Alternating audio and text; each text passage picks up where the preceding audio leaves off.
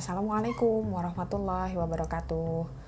Nggak sadar ya Ramadan sepekan lagi. Tujuh hari lagi insya Allah. Saya sih setiap hari hitungin satu-satu gitu. Excited mau bertemu dengan Ramadan kali ini. Apalagi suasananya juga berbeda. Pandemi membuat saya banyak bersyukur karena Kakanda harus bekerja dari rumah dan ini membuat kami punya lebih banyak waktu, lebih banyak kesempatan untuk sholat berjamaah lebih banyak juga. Nah, Ramadan nanti punya target apa aja? Kami, keluarga QQ, sudah merancang beberapa program sih. Ketika tengah bulan Maret, kami sekeluarga bermalam di Pulau Pari, Alhamdulillah dituntun untuk punya proyek Ramadan di setiap keluarga. Jadilah kami mau nggak mau sebagai keluarga yang baru bergabung ikutan semangat untuk punya program juga dong ya. Nah, kami menyepakati tema Ramadan tahun ini adalah Ramadan materialis. Kenapa materialis? Intinya sih Ramadan itu harus untung, nggak boleh rugi. Wong datangnya cuma setahun sekali, gitu kan? Sebisa mungkin ya harus untung Ramadan materialis ini kami punya cara, ada juga program. Nah, cara yang kami pilih supaya bisa dapat untung penuh ada dua, yaitu dengan meningkatkan produksi dan menekan pretensi atau keinginan atau biaya yang tak berdasar. Ada dua ya, meningkatkan produksi dan menekan pretensi. Untuk meningkatkan produksi di sini, kami punya program keluarga yang pertama yaitu 15 hari mendongeng. Jadi ceritanya Kakanda itu sedang membangun podcast dongeng Bapak, silahkan disimak. Isinya sangat organik. Ya dongeng, isinya dongeng.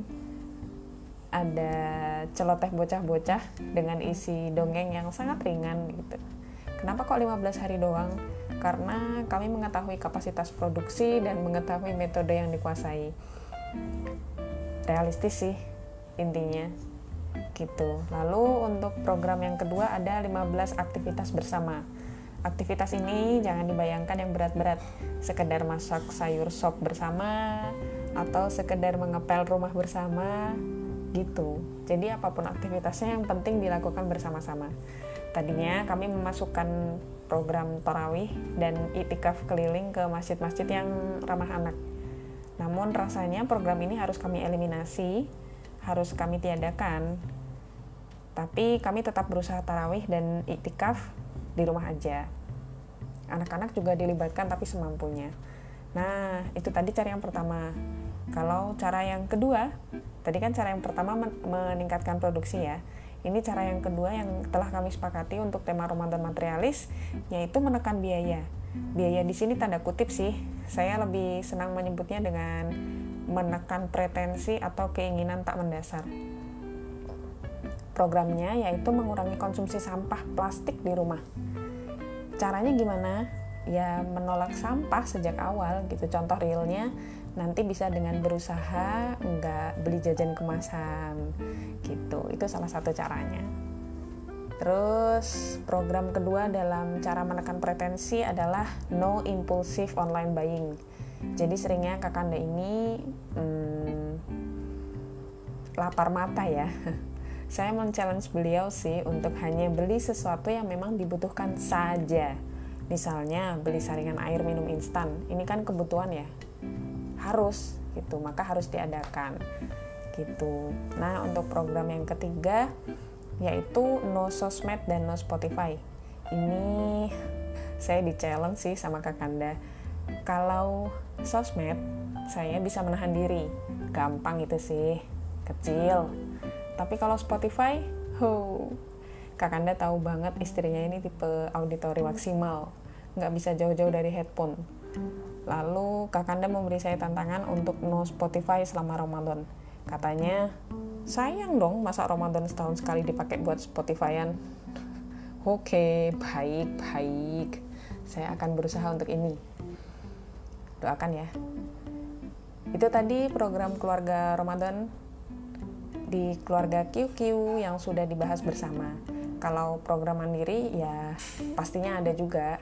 Kalau seperti Ramadan sebelum-sebelumnya saya masih pasang target untuk khatam minimal tiga kali. Caranya sih gampang yaitu sekali duduk selepas sholat meluangkan waktu untuk baca setengah juz. Nggak banyak kok setengah juz saja kalau lima kali sholat ditambah sholat duha pas ya sehari tiga juz. Teora teorinya sih gampang. Prakteknya ya gitu deh. Biasanya saya tetap ada rapelan kok. Ya nggak apa-apa namanya juga pasang target harus berani yang tinggi biar ada semangat buat menggapainya. Lalu saya pribadi juga menambah program untuk membaca terjemahan. Uh, ini niatnya buat memalingkan saya dari Spotify karena sejujurnya dulu sudah pernah baca hatam baca terjemahannya itu sudah pernah hatam. Dan ini jauh lebih berat daripada baca Qurannya menurut saya. Tapi kok rasanya kali ini pengen ya mengulang baca terjemahannya. Begitu semoga ada hal-hal baik yang bisa didapat gitu kan dari membaca terjemahan, membaca ulang.